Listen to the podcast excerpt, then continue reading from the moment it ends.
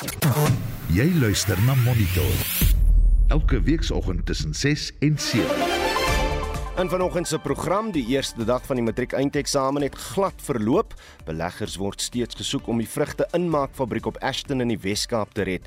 MTS Faisal is as die nuwe inspekteur-generaal van intelligensie aangestel en die tweede presidensiële beraad oor geslagsgeweld begin vandag. Ons vind uit of die regering sy vorige beloftes nagekom het. Welkom by Monitor onder redaksie van Jean Esterhuizen, Daitron Godfrey is die produksieregisseur en ek is Udo Karlse.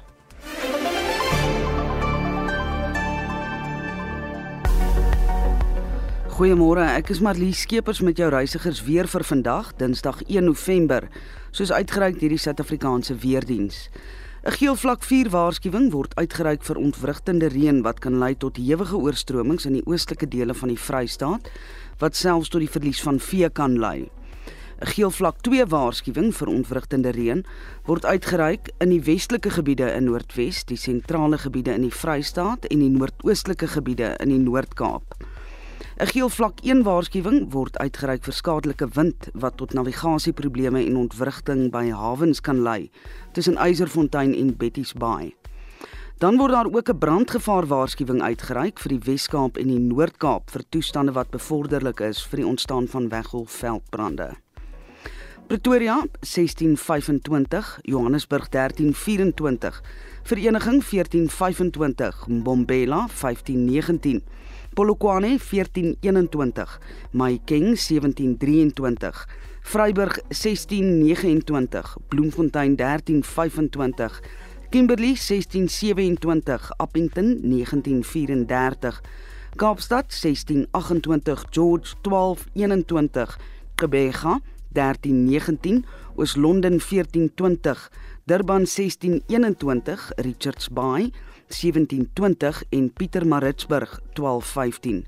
Vir meer inligting, besoek die weerdiens se webwerf by www.weathersa.co.za.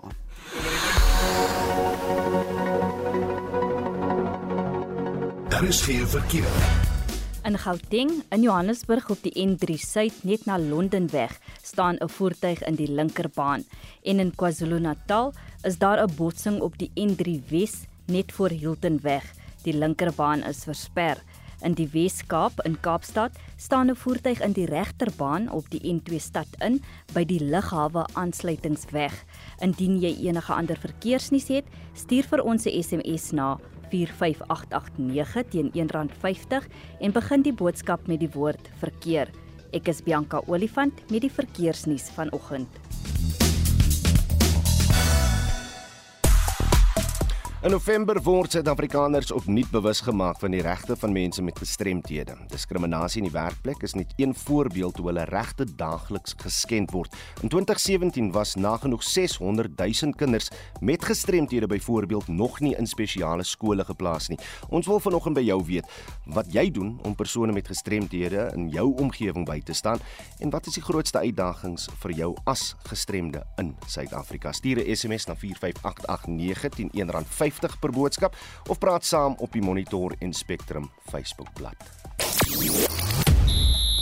Dewald Brewe en die Titans breek verskeie rekords in die plaaslike KSA T20 uitdaging en Maria Sakari en Arina Sabalenka begin die vroue toerfinale in Texas op 'n hoë noot. Ek is Shaun Schuster en is later terug met meer inligting. Hitsmerk Paul O'Sullivan is onder die top 10 gewilde onderwerpe op sosiale media. Die forensiese privaat ondersoeker, wat ook deel is van die organisasie Forensics for Justice, het tydens 'n televisieonderhoud met die SAK-joernalis Sakina Kamwendu sy meer verloor. O'Sullivan, 'n gerekende forensiese ondersoeker, ondersoek ook die Palapala voorval. Hy het tydens die onderhoud gesê Kamwendo se vrae is bedenklik en poog om hom te impliseer en het die telefoon net daar neergesit. Monitor jou oggendnuusprogram op RSG. Daar word gewoel om planne te beraam om afsetpunte vir vrugteboere se produkte te kry as die Langeberg en Ashton inmaakfabriek in die Weskaap oor 'n jaar sy deure sluit. Tiger Brands het die sluiting van die fabriek met 'n jaar uitgestel na die aanvanklike aankondiging dat die fabriek sy bedrywighede gaan staak. Die produsente konsortium groep is steeds besig om die fondse te bekom om die sluiting te voorkom. Die fabriek verwerk sowat 100 000 ton vrugte per jaar. Die bestuurshoof van die inmaakprodusente vereniging, Jacques Jordan, sê daar word nog na beleggers gesoek. Tiger en die personeel en produsente het tot 'n ooreenkoms van jaar gekom om die fabriek vir nog 'n seisoen oop te hou. En die produsente het hulle self ge georganiseer in 'n konsortium waar hulle geld neergesit het en in gesprekke is met potensiële finansiëerders en ook ekwiteitsvennote om hierdie fabriek te laat aangaan. Ek dink Tiger het ook nuwe inisiatiewe vir die komende seisoen wat hulle wat die fabriek gaan implementeer. So hierdie gesprekke is alles op die oomblik aan die gang en vir die so wat 2 4.500 werksgeleenthede by die fabriek, die 300 produsente en ook eh, die duisende plaaswerkers, is ek baie hoopvol dat ons hier op by 'n volhoubare oplossing kan uitkom tot voordeel van almal. Intussen sit boere nie stil nie en 'n vrugteverspreidingsnetwerk op die sosiale media platform Facebook genaamd Vrugte uit die Boord is op die been gebring. Die groep onder leiding van Louis Swanepoel help om die vrugte wat nou beskikbaar is sonder die middelman en so vinnig as moontlik aan die publiek beskikbaar te stel. Swanepoel sê daar's ook tans 'n groot fokus op gesonde boerderypraktyke wat baie goed inskakel by hulle doelstellings om 'n plek te vind vir die boere om hulle vrugte te kan verkoop. Ja, daar's al hoe meer rolspelers wat na die na vore kom. Ons het drie boere daaronder in die koelgebied wat hulle toespits waarvan my my neef een is en twee buurmanne. Hulle het 'n toegewyde spannetjie daar. Hulle is in hierdie regeneratiewe boerdery praktyk ding en ek moet vir jou sê volgende level. Soos Engelsman sê, hulle is regtig waar hulle doen hulle ding reg en ons het daarby maklik aanklank gevind en ehm um, ja, die produk, ons kan lank praat oor die produk, die smaak van hierdie ding, jy raak nostalgies. Dit is soos wat jy 'n jong uh, kind was en in jou oupa ouma se boord en jy kon daai appelkoos of daai perske van die boom afpluk en jy kon nog perske proe. Of jy kon nog appelkoos proe. En dit maak dit heel anders. En die wyse waarop ons hierdie ding doen is heeltemal anders as die konvensionele omdat ons 'n klomp middelmanne uitskakel en ons skakel ook onnodige koelgeriewe ding wat vervoer word en hy gaan staan in een of ander pakhuis of koelgeriewe, jy weet, en totdat hy uiteindelik by jou uitkom. My belofte aan my kliënte, ons weet nie hierdie jaar nie, want die ding groei elke jaar met rasseskrede, is van pluk, pak, vervoer, versprei 3 dae op die kliënt of die boervrou se tafel. Wanneer begin dit? Hoe werk dit? Ons is nou besig om onsself reg te maak. Die bemarkingspannetjies is aan die gou. Ons appelkoosseisoen begin nou die 25ste November. Dit is 'n kort tyd, dit is 'n kort venstertydjie. Hy hardloop tot so om by die 10de Desember. En dan vat ons nou maar so 'n bietjie 'n blaaskans, dan daai boere ook eers klaar met dit en dan begin ons hierso so middel Januarie weer met die geelperskes en dit hardloop ook weer so vir 'n maand of wat. En ja, dan daarna was daar soveel boere wat ons gekontak het wat van hierdie inisiatief gehoor het wat sê, "Hoerie, maar ek boer ook regeneratief. Weet jy om 'n voorbeeld te gee, ek sit my mense in die boord, byvoorbeeld iemand wat ek nou gehad het met die blou bessies.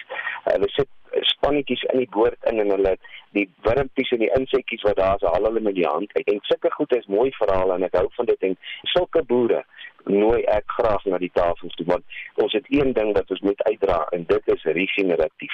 Maar jy bemark dit op sosiale media platforms, dis 'n ander interessante ding ek het gedink ons boervroutjies uh, uh, en en en stadsdametjies baie van hulle veral aan die ouer kant is nie regtig tegnologies vaardig nie.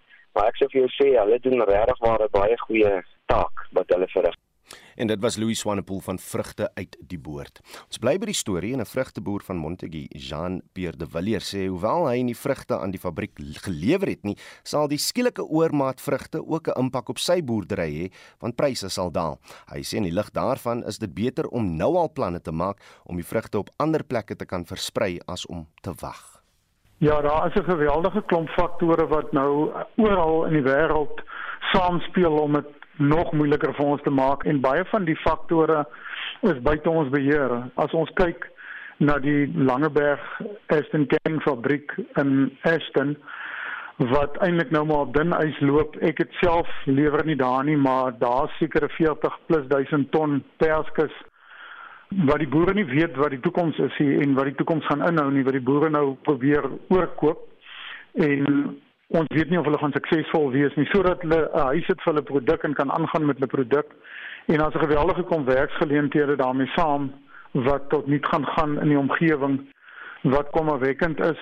Die fabriek is maar die een van die goed. Ek, as 'n mens gaan kyk hoe die steenvrugte seisoen op ons prime uitvoere die vorige jaar gewerk het, was dit eintlik so eenvoudig soos hoe minder jy gehad het aan jou bome, hoe minder verlies het jy gemaak. Want eerstens was daar probleme met die hawens dat hulle nie kon uitlaai nie. En vrugte het langer gestaan by die hawe as wat hulle moet. En toe het baie van die vrugte 6 na 8 weke op die skip gewees. Ook al faktore buite ons beheer. En op die ou end as daar 'n probleem aan die ander kant is dan kom die risiko maar weer terug na die boere toe. Al wat ons gekry het is 'n pakrekening van ons pakstoor af. En geen inkomste terug op die plaas geen produksiekoste terug nie. So ja ons bloei maar 'n bietjie En toe besluit julle goed, on, julle tree nou aktief op eerder as reaktief voor alles nou in duie stort en julle begin nou 'n plek soek vir hierdie vrugte. Jy het ook 'n pakstoor en julle pakstoor het saam met 'n ander groep gesmelt en nou het julle 'n plan. Ja, ons is baie opgewonde vir die toekoms vorentoe.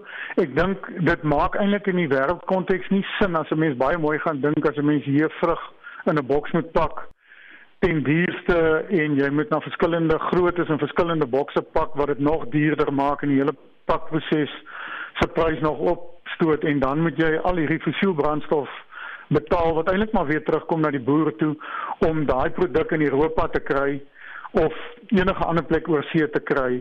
Ons fokus is terug na die plaas toe en terug plaaslik om 'n goeie gesonde produk in die mark te sit wat ons trots op is, wat ons meet aan regeneratiewe landboupraktyke en om daai ketting na die eindverbruiker so kort as moontlik te maak en die bes moontlike kwaliteit in die eindverbruiker se hand te sit en dit plaaslik te doen dat ons 'n bietjie minder fossiel brandstof gebruik om by die eindverbruiker uit te kom.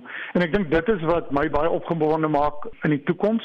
So ons pakstoor Koopak in die Koovallei werk baie nou saam met Louis Swanepoel. Hulle het 'n besigheid vrugte uit die boord en ek dink hulle beweegrede was maar net dat hulle wil goeie kwaliteit vrugte vir die verbruiker so vinnig as moontlik in die hand sit. En met hierdie regeneratiewe boerdery praktyk, uh, is die kans dat hierdie vrugte vir langer goed kan bly en ons dit hier in Suid-Afrika kan benut baie goed, reg?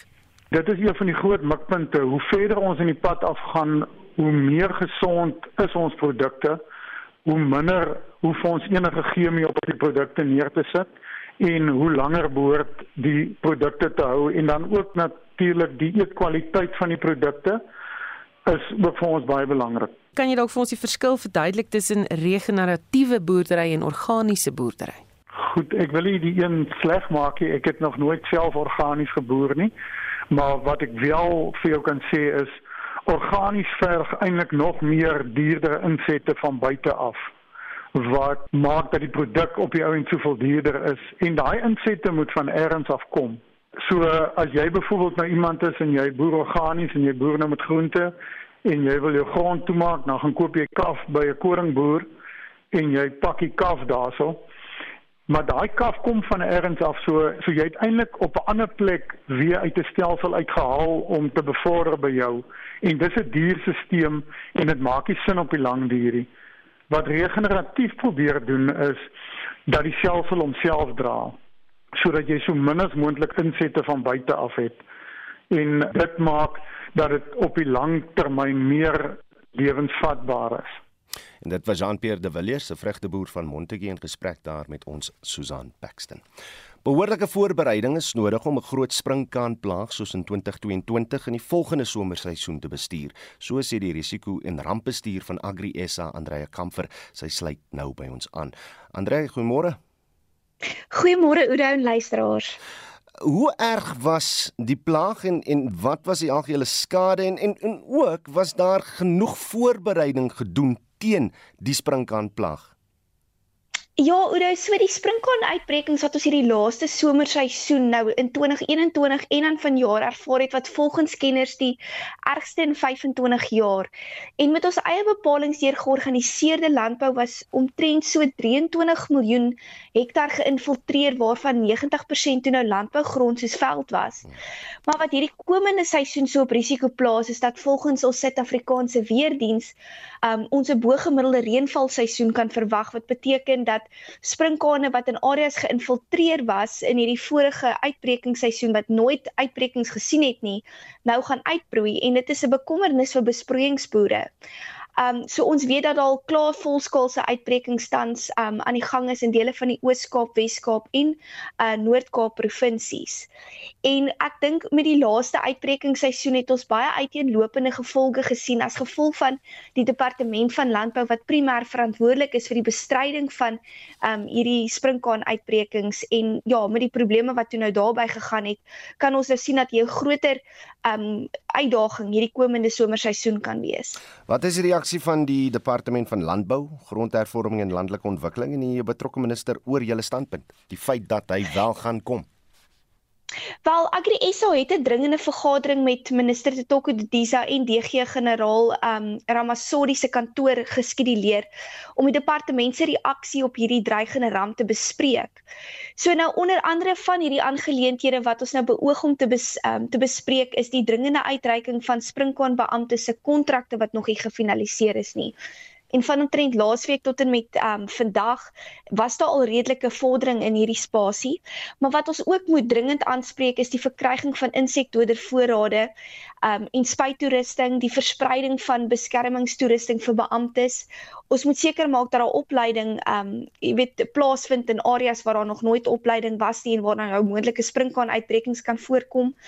En dan die departement se kapasiteit om eise te finaliseer. Ek dink dit was een van die grootste probleme wat ons hierdie laaste seisoen in die gesig gestaar het, is die kapasiteit van die departement om hierdie eise af te handel. So ons wil ook maar net 'n oop kommunikasielyn hê met die departement, um sodat ons nou werkbare oplossings, ons as georganiseerde landbou kan hmm. hande vat om dit dan dan te in te kan implementeer. Het ons genoeg insekdoder en toerusting om die probleem te bestry? Wel op die stadium sal ons eerstens vir die departement moet uitvind daar is in die privaat sektor redelik um, baie voorrade beskikbaar van sekere maatskappye. Um, en dan is daar ook hier rond is dat daar nie is nie. So ons wil graag met ons uh, vergadering met die departement seker maak omdat die departement wat nou primêr verantwoordelik is vir bestryding dat hulle hierdie genoegsame um, insekdoder iemand aangekoop het. So ja, ek dink dit is dit is die doel van die vergadering om uit te vind waar's die huidige stand van sake. Is die vergadering nou al vasgemaak of of is hulle nog onwillig om met julle te praat? Hulle dit is vasgemaak um vir môre ons wag nog steeds vir 'n virtuele uitnodiging. So ons sou ons um, ons vingers of ons duime styf vas dat ons vandag die uitnodiging gaan kry. So ja, daar was gekommunikeer dat ons die vergadering gaan hê. Wat is die een versekering dan wat moet spruit uit hierdie vergadering môre wat julle bietjie gerus sal stel?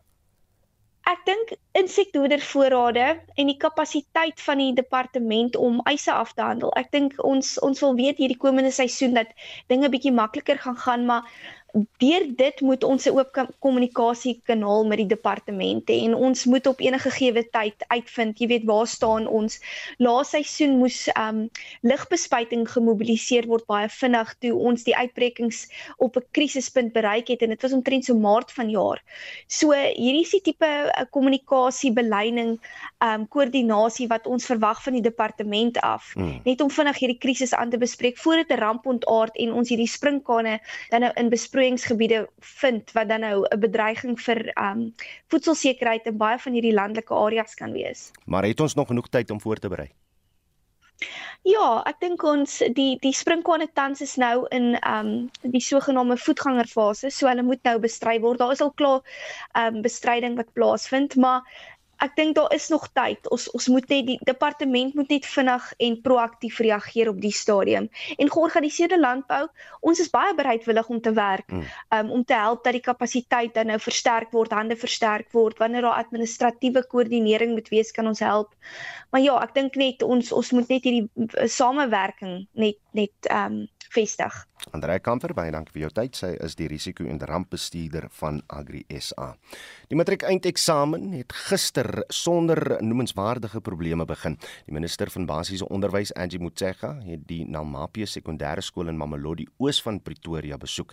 Leerlinge van die skool is vol vertroue dat die eksamen goed sal verloop. Anne Marie Jansen van Vuren het meer besonderhede. Matrikulante van Mamelodi sê die COVID-pandemie het hulle gedwing om nuwe studiemetodes te ontwikkel om die kurrikulum te voltooi. Volgens hulle het die Engelse taalvraestel goed afgeloop. Throughout the whole question paper, I enjoyed it. Like all the time, not receiving school holidays, going out gatherings and stuff. So I took that time when the school were closed. I took it and started studying that English. I actually got an easy paper and nice one. Graad 12 leerdlinge van die Alexander Sinton Hoërskool in Athlone, Kaapstad, sê die afgelope 2 jaar was uitdagend. It has been a bit tough, especially since because of COVID and stuff, we had to catch up with a lot of the work. So like this year also, we had to go back and look at some things we haven't seen before. It was it, was just a lot of pressure. Know, between grade 11 and matric, I didn't expect it to be this difficult. Everyone used to say, oh no, it's just revision. It's not, really not revision. So I guess it was difficult, but I feel like I dealt with it in a way that I didn't expect myself to. So it's not been easy, but it's been manageable. Die minister van basiese onderwys, Angie Motshekga, sê die matriekklas van 2022 is besonder veerkragtig omdat hulle talle uitdagings weens die pandemie moes oorkom. Indeed, there a cohort that face the worst storm of COVID, but on the other hand, uh, teachers, everybody, professionals, lended a hand to support them, so they also had the most support. So they had they were the most affected, but we gave them lots of support to make up for the challenges that they were faced with. Minister Motshega het matrikulante aangemoedig om hul voorbereiding vir die eksamen by die beurtkragskedule aan te pas. Die verslag van Paul Magubane en ek is Anne Marie Jansen van Vuren vir SAK nuus bly by die onderwerp en praat nou met 'n opvoedkundige sielkundige, Quentin Adams oor hoe ouers en ander die matrikulante tydens die belangrike eksamen kan ondersteun. Quentin, goeiemôre. Goeiemôre Udo en goeiemôre luisteraars. Sê my watter invloed sou jy dink het die COVID-pandemie gehad waaruit lesse geleer kon word om om enige spanningsvolle tyd beter te te hanteer? Ja, hierdie uh, groep leerders, uh, graad 12 leerders van uh, 2022 het deur 'n baie moeilike tyd gegaan. Maar wat belangrik is is dat hulle het getoon dat hulle 'n veerkragtige groep leerders is. Hulle het ons ook gewys dat hulle kan ehm um, deur die omstandighede werk, deur die uitdagings. Ons moet onthou dat die kurrikulum was uh, aangepas en die manier van die kurrikulum se aanbieding was aangepas en dan was daar baie ontwrigting geweest, maar ten spyte daarvan Ehm um, as ons die sosiale media lees, ons lees hoe die onderwysers saam met die leerders, saam met die ouers saamgespan het om seker te maak dat hierdie groep leerders nou graad 12 kan bereik. Hmm. So ek is baie optimisties oor hierdie groep want uh, ek moet sê hulle veerkragtigheidsspiere en hulle gees uh is vir my van die uitstaande gehalte of baie hoë gehalte en daarom is dit baie positief dat uh, hulle goeie sukses gaan behaal hierdie jaar. Hmm. Ek seker in party gevalle is dit die kinders wat die ouers gaan bystaan, maar is daar praktiese oefeninge of raad vir 'n matrikulant wat gestres is oor die oor die eksamen? Ja, ek dink stres is die grootste uh, faktor op hierdie stadium en ek dink dit is belangrik dat hulle dit eers moet erken. Ehm um, hulle moet verstaan dat uh, wanneer hulle in die eksamenlokaal gaan dat jy hierdie klomp vlinders sal hê in jou mag dat uh, jy baie keer ehm um, wat ons sê jou mind run blank en ek kom in lokaal. Ehm um, maar ek dink as hulle gereeld asemhalingsoefeninge doen, maak seker dat hulle ontspan bring ehm um, die die stres af. En dan wanneer hulle 'n moeilike vraag kry, gewoonlik word hulle van balans af wanneer hulle 'n moeilike vraag kry.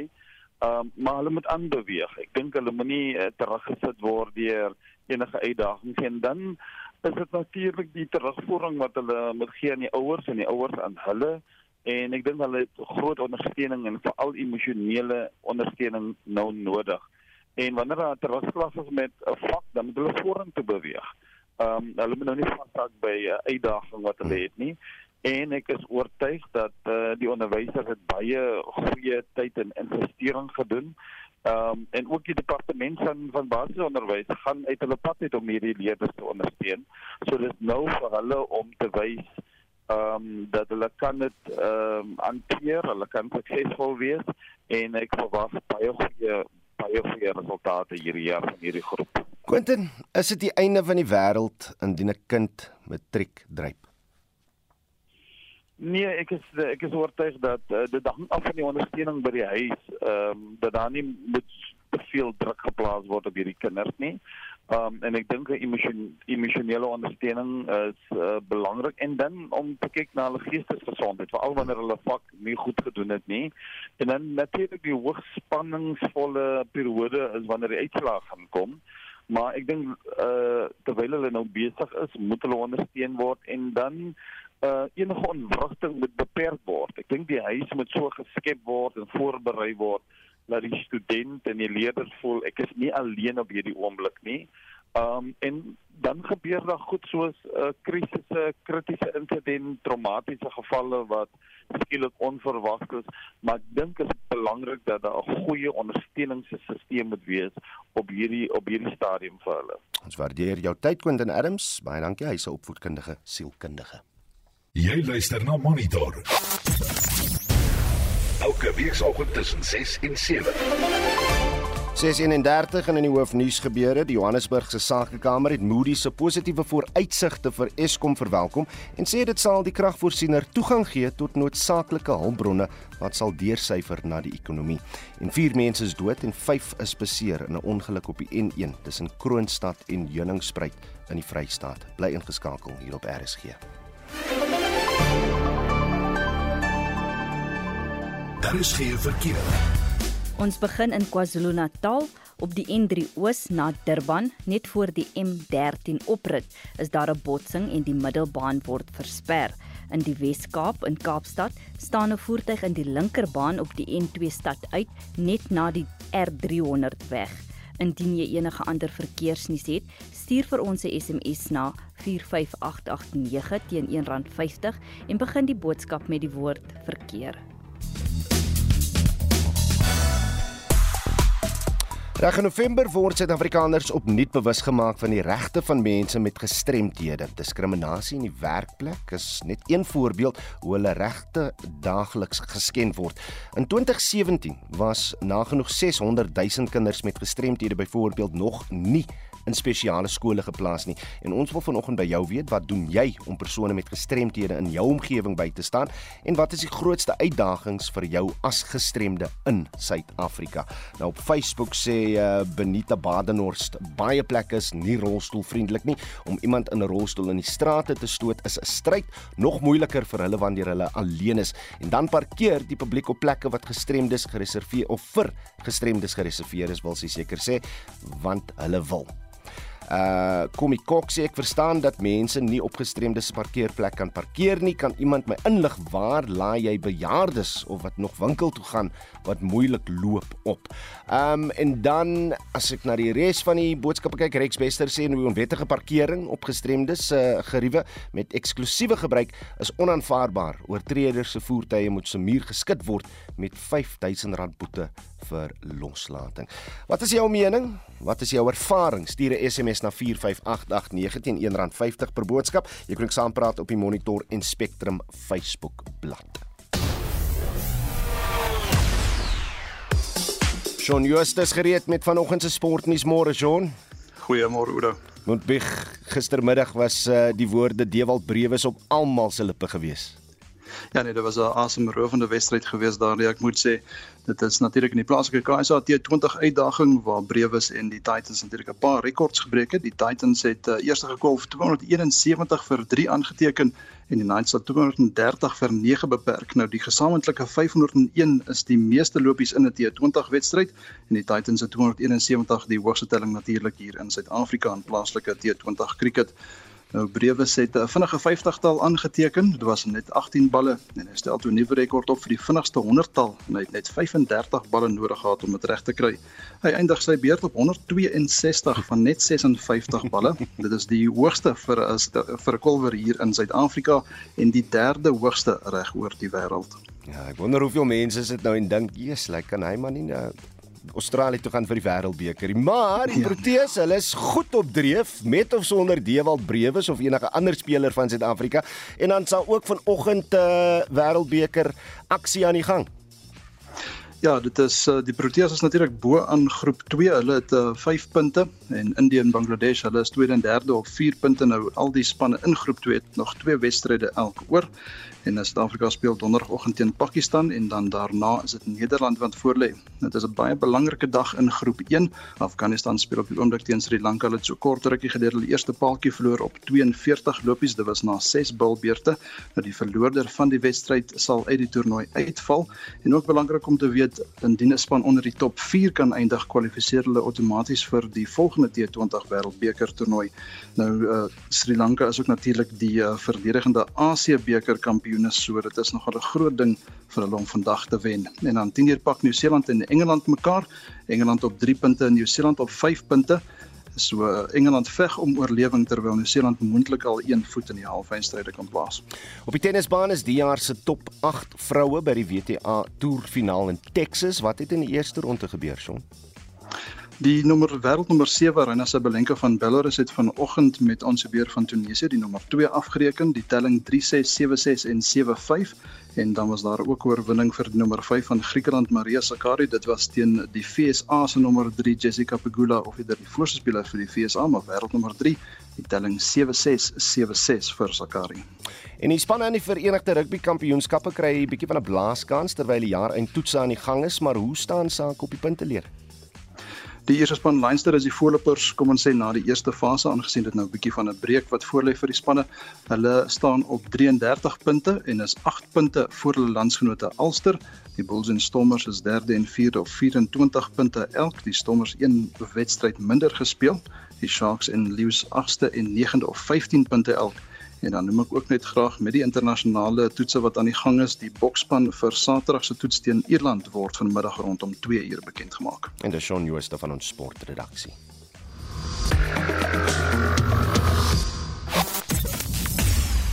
Monitor jou oggendnuusprogram op RSG. Annelien Moses sluit nou by ons aan vir 'n blik op wêreldnuus gebeure. Rusland is besig om meer energie-infrastruktuur teikens in Oekraïne met missiele aan te val en uh, die volgende inhoud of uh, die inhoud van die volgende berig mag sensitiewe luisteraars ontstel môre Annelien.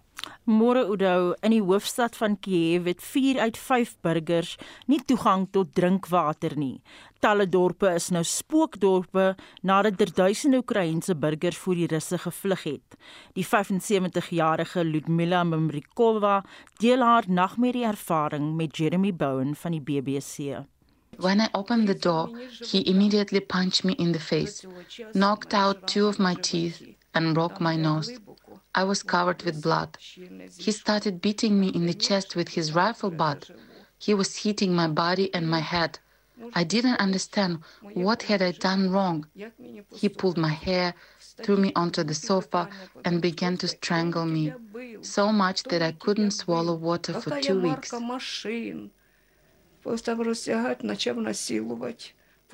Then he began to undress me and after he raped me. Die pyn wat hulle ervaar het die Oekraïners se wil om te veg verdiep. Kom ons luister verder na een van Jeremy Bowen van die BBC se onderhoude met 'n mediese dokter Volodymyr Polevsky. The medics work for 2 days straight with almost no rest. Terrible to see the pain of our soldiers, to see what kind of traumas they get in this war. The most terrible thing is to see the suffering of our country. This is the most terrible. The rest is just our job. Here I see how our boys fight. The wounds they receive ruin their lives. It depresses me more than anything else.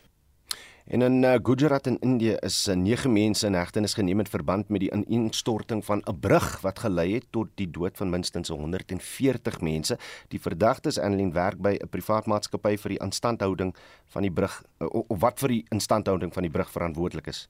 Ja, maar burgers is bekommerd dat nie almal wat verantwoordelik was aan die pen sal ry nie. Hulle soek geregtigheid. Die berig deur Yogita Limay van die BBC. It destroyed families. In this home, they can barely comprehend what's hit them. Kanta Ben Machadia has lost all her children. Three sons. Chirag was 20. Dharmik, 18. The youngest, Chetan, 15 years old. What's left for us now? My husband and I are all alone. The people responsible for my son's deaths should be punished. En dan het die voormalige president van Brasilia Jair Bolsonaro nog nie 'n woord gerep nadat hy die verkiesing teen sy opponent Lula da Silva verloor het nie. Ja, Bolsonaro is normaalweg gewoonlik aktief op Twitter, maar burgers van Brasilia word met stilte begroet. Hier is Mark Langwin, 'n ontleder van Brazil Works. I think he's going through a crisis. He's never lost a election since 1988 when he launched his political career. And I think he's waiting for his supporters to get out on the streets so that he can scramble the political situation, but I don't think it's going to happen. I think things are starting to clamp down. His allies are defecting, showing their support or good faith towards the incoming Lula administration. So I think it's a matter of days before things kind of quiet down on the Bolsonaro front. Dit was 'n ontleder van Brazil Works in Washington in die VSA. En dit was Annelien Moses met uh, ons wêreldnuus gebeure vir vanoggend. Net om jou weer te herinner, in uh, November word Suid-Afrikaners natuurlik opnuut bewus gemaak van die regte van mense met gestremdhede. Interessante kommentaar en terugvoer wat vanoggend deurkom, maar grootendeels gaan dit oor parkering spesifiek vir mense met gestremthede.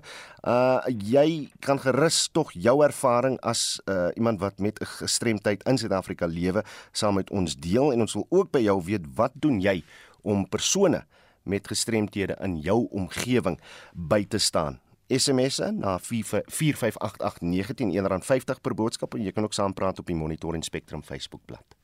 Die tweede presidensiële beraad oor geslagsgeweld en moord op vrou begin vandag tot môre by die Gallagher landgoed in Midrand, Gauteng.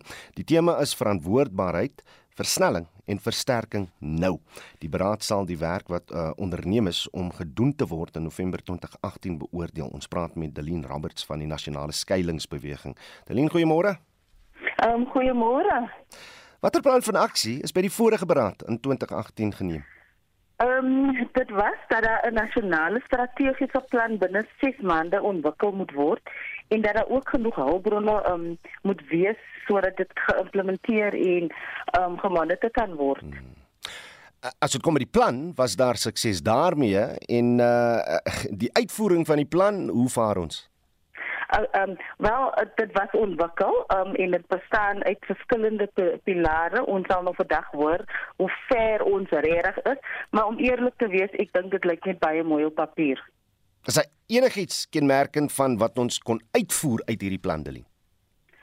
Ehm um, wel vir eerstens ons moet ehm um, 'n multisektoriale um, benadering gebruik met die uitvoering van die van die van die plan. Maar maar as dit uitgevoer ehm um, amper. hoe hoe kom ek? Kom kom ons begin net by daai kwessie. Hoekom het ons hom tot dusver nog nie reg gekry nie? Wel, ehm um, almal staan nie saam nie. Ons moet hierdie die samewerking van die ehm um, private sektor, die burgerlike ehm um, gemeenskap en die regering om te maak dat dit belangrik is um, om saam te werk. Maar is dit ons skuld of die regering se skuld dat dit nou nie gebeur nie? Ehm um, laat ek maar liewerste stil bly. Ja, maar jy's op die lig om saam met ons te praat daaroor sodat ons ja, lig nee, kan nee, werp. Um, kyk, ehm um, ek dink daar is baie faktore wat maak dat dit nog heeltemal uitgevoer is nie. Ehm um, die die die die die MSP is ehm um, moet by 2024 heeltemal voltooi wees wat wat net minder uh, meer as 'n jaar is van nou af. Maar alles is nog net ek, um, op papier en ek dink ehm um, ons kan sê dat COVID ook soort van 'n rol gespeel het daarin om alles te net so 'n bietjie ehm um, te laat lê. Okay. Van papierplanne na papiergeld is daar genoeg befondsing uh vir die vir die planne om dit uit te voer. Ehm um, wel ehm um, nee nee regtig nie in ons oë nie regtig nie want ehm um, die befond ons sien nie die befondsing nie.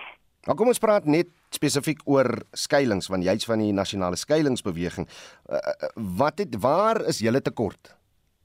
Wel ehm um, eerstens ons uh, ons provinsies verskil almal wat dit um, kom by by by befondsing. Hmm. Ehm um, en dan is dit dat die befondsing ehm um, is nie ehm um, altyd op tyd nie. Ehm um, soms dan gaan daar 2, 3 maande verby voor die befondsing eintlik deurkom. En om eerlik te wees, die die skuiling wat ek um, bestuur, um, ons kry maar net 40% van die begroting van die um, departement van maatskaplike ontwikkeling. Sy hoopvol dat hierdie gesprekke, hierdie beraad enigiets gaan verander. Ehm um, ek hoop so, ek vertrou so want ehm um, die um, regering moet besef dat uh, die skuilings 'n noodsaaklike deel speel um, teen die geveg um, teen geslagsgeweld. Delien Roberts, baie dankie vir u tyd. Sy is van die nasionale skuilingsbeweging. Die nuwe inspekteur-generaal van intelligensie Imtiaz Fazil begin vandag met sy werk vir 'n termyn van 5 jaar. Dit volg nadat die president hom aangestel het na 'n parlement uh, parlementêre proses. Ons praat nou met die hoof van toekomsstudies aan die Instituut vir Sekuriteitsstudies, Jakkie Celee. Jakkie, goeiemôre. Goeiemôre Udo, goed om te praat. Uh, wat weet ons van Imtiaz en is hy 'n goeie keuse vir die amp?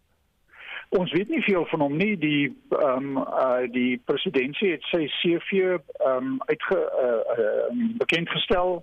Ehm um, en hy op die oomblik is die ehm um, adjunk in die uh kantoor van die inspekteur-generaal. Uh hy is nie die eerste keuse nie. Die ehm um, eerste keuse was ehm um, is is uh, kon nie 'n tweede meerderheid kry nie. Dit was uh, uh Frank Chicane en uiteindelik ehm um, is ehm um, uh, Imtiaz aangestel met 'n tweederde meerderheid wat die vereiste is uh, vir die aanstelling van die inspekteur-generaal.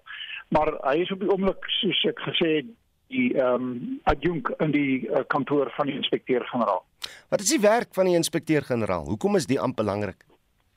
Wel, um, volgens ek ek ek sou vir jou lees uh uh wat wat die verantwoordelikheid is, ek gaan in Engels lees. Mm -hmm. The Inspector General will monitor intelligence and counter intelligence activities of the State Security Agency and the intelligence intelligence divisions of the South African Police Service and the South African National uh, Defence Force.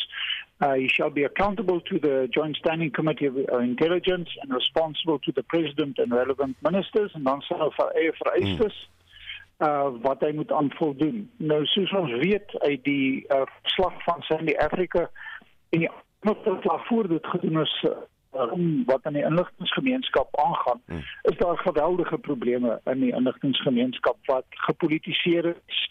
Uh heelwat geld uh deur die inligtinggemeenskap gevloei na verskeie faksies, wel veral na Jacob Zuma se faksie binne die ANC.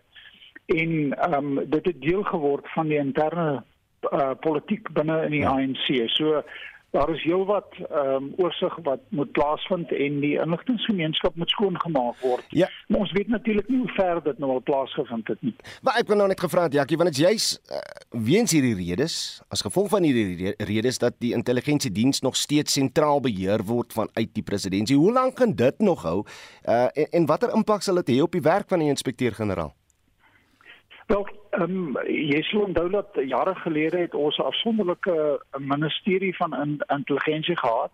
Uh, dit is toe geskuif uh, na die kantoor van die staatspresident van die president uh vroeër uh, verlede jaar as ek reg is hmm. en Ek dink dit is eintlik die probleem nie want ehm um, die ehm um, die adjunkminister vir inligting is aangestel, maar die die probleem is die voor, is die politisering van die inligtinggemeenskap en die feit dat die strukture wat moet werk, daar is 'n NICOC, Nasionale Intelligensie Koördineringskomitee en die ander strukture binne in die veiligheidsgemeenskap het baie duidelik nie gewerk nie en dit het Sandy Africa het dit baie duidelik uh, vir ons uiteengesit in haar verslag na die Julie ehm um, uh, uh geweld van tot rondom uh, president Jacob voormalige president Jacob Zuma. So daar's daar's geweldige probleme in die politisering van die inligtinggemeenskap, maar die probleem is niemand weet eintlik wat daar in plaasvind nie want alles is mos 'n geheim hmm. in die inligtinggemeenskap. Maar maar dis vir my verwarrend dat ons verlede week gesien het, net net net om om om 'n voorbeeld te gebruik. Toe die ja. waarskuwing van die Amerikaners kom oor die moontlike terreuraanval in Sandton. Die eerste persoon wat gepraat het, was Mondli Gungubele wat aan die presidentskap sit. Twee dae later het ons gehoor by die adjunkminister Zizi Kodwa wat wat hulle benadering as intelligensie is. Eh, eh, so diens kan sekerlik doeltreffend wees. Nie. Ja nee, daar dis dis totale verwarring. Ehm um, jy weet die Amerikaners sou nie en dit het intussen uitgekom dat die Amerikaners wel vir die Suid-Afrikaners gesê het hier daar kom dalk 'n probleem, maar die tipe verwarring en vorentoe en agtertoe ehm um, ja, dit gee mense nou nie veel vertroue in die inligtinggemeenskap nie. Ehm um, en die die probleem eintlik kom maar uit die uit die faksie gevegte binne in die ANC. Zuma se faksie uh het en omdat hy uit die inligtinggemeenskap uitkom, het hy ehm um, probeer om beheer te kry oor die inligtinggemeenskap en homself ehm um, en daar het allerlei geld gevloei blykbaar na hom toe. Ehm um, so uh, ek dink daar's baie probleme ehm um, wat wat uitgesorteer moet word in die inligtinggemeenskap. En die probleem is in 'n 'n situasie waar die streek uh, geweldige probleme het in Noord-Mosambiek en Swan. Ja. Is ons is ons dalk dat ons weet nie wat aangaan nie en as jy nie weet teen wat jy moet voorberei nie en wat 'n moontlike probleem is nie, dan hoe kan jy effektief uh, optree daarteen? Ja, Kiselee baie dankie vir jou tyd. Hy is die hoof van toekomsstudies aan die Instituut Instituut vir Sekuriteitsstudies. Staatsskuld beloop tans 4,7 duisend miljard rand en die dienskoste van die skuld is gemiddeld 355 miljard rand per jaar. Maar wat beteken dit om so baie skuld te hê en hoe raak dit gewone Suid-Afrikaners? Celine Merrington het gaan uitvind. 4,7 duisend miljard rand is 47 met 11 nulle aan die einde. Hoeveel mense kan regtig begryp hoe die getal lyk? Nog minder hoeveel geld dit sou wees as dit op papier gedruk word. Dit is die getal wat die regering aan sy skuldeisers skuld. Dis geld wat die staat gebruik om sy prioriteite na te kom. 'n Ekonoom by die Efficient Groep, Dawie Rood, verduidelik wat die syfers beteken. Dit beteken almal van ons moet amper vir 'n hele jaar lank werk sonder enige vorm van inkomste net om die staat se skuld terug te betaal. Want die politici wat die skuld aangegaan het, het die skuld namens my en namens jou aangegaan. Baie lede van die parlement het alarm gemaak oor die verbuisterende bedrag. Die DA-woordvoerder oor finansies, Dion George, en Steve Swart van die ACDP skets 'n prentjie van die bedrag en wat dit kon koop. The population in South Africa is about 60 million people. And if you gave 78,000 rand to every single person in South Africa, that is approximately 4.7 trillion rand. So 4.7 trillion rand is enough to give every single person in South Africa 78,000 rand. If one considers that it would take you about 32 years to spend 1 billion rand at 1 rand a second, that is half a lifetime. A trillion rand is a thousand billion rand.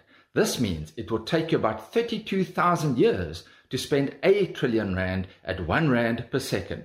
Now, what could be done to improve service delivery with the 355 billion rand spent on debt service costs per year?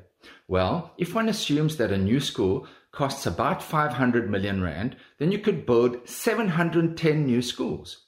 If one assumes that a new hospital costs about 1 billion rand, then you could build 355 new hospitals. Die Vryheidsfront Plus LP Wouter Wessels en IFP LP Elfas Bothelezi verduidelik wat die skuld vir die gemiddelde Suid-Afrikaner beteken. terwyl die behoeftes maatskaplik is, gesondheid, onderwys en die regering al hoe minder geld het om eintlik te bestee daarop. Ons bestee ook nie geld op infrastruktuurprojekte nie, terwyl infrastruktuur nodig is om die ekonomie aan die gang te kry en dus mense uit armoede te kry.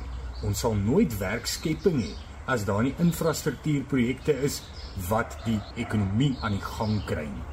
En tans gaan die geld eerder in skuld en in finansiering van skuld. Omdat daar verkeerde prioriteite is en nou neem die regering nog meer skuld aan van staatsentiteite omdat hulle die ideologie aan die gang wil hou van staatsentiteite. For example, if you are sick and you go to a hospital, we found that there is no medication at all. It means that the vulnerable population of our country, when they are attacked and they call police for help, police will come seven hours after that and will tell you that they don't have vehicles. It means that our black students at universities are forced to work greater part of their evening in restaurants just because NSFAS cannot afford to help them. It means that our schools will continue to have challenges of shortage of staff and infrastructure because government does not have money to pay for salaries and buy the necessary infrastructure. Dit was die IFP parlementslid Elfas Buthelezi, Zelin Merrington, parlement. Daar is geen verkeer. In Gauteng in Johannesburg staan 'n voertuig op die N1 Suid net na William Nicol weg. Die noodbaan word versper en in KwaZulu-Natal op die N3 Wes net na die Chatterton weg afrit staan 'n vragmotor in die linkerbaan. In die Wes-Kaap in Kaapstad is daar 'n opeenhoping op die N7 Suid by die N1 stad in oprit. Verwag vertragings. Ek is Bianca Olifant met die verkeersnuus op Monitor.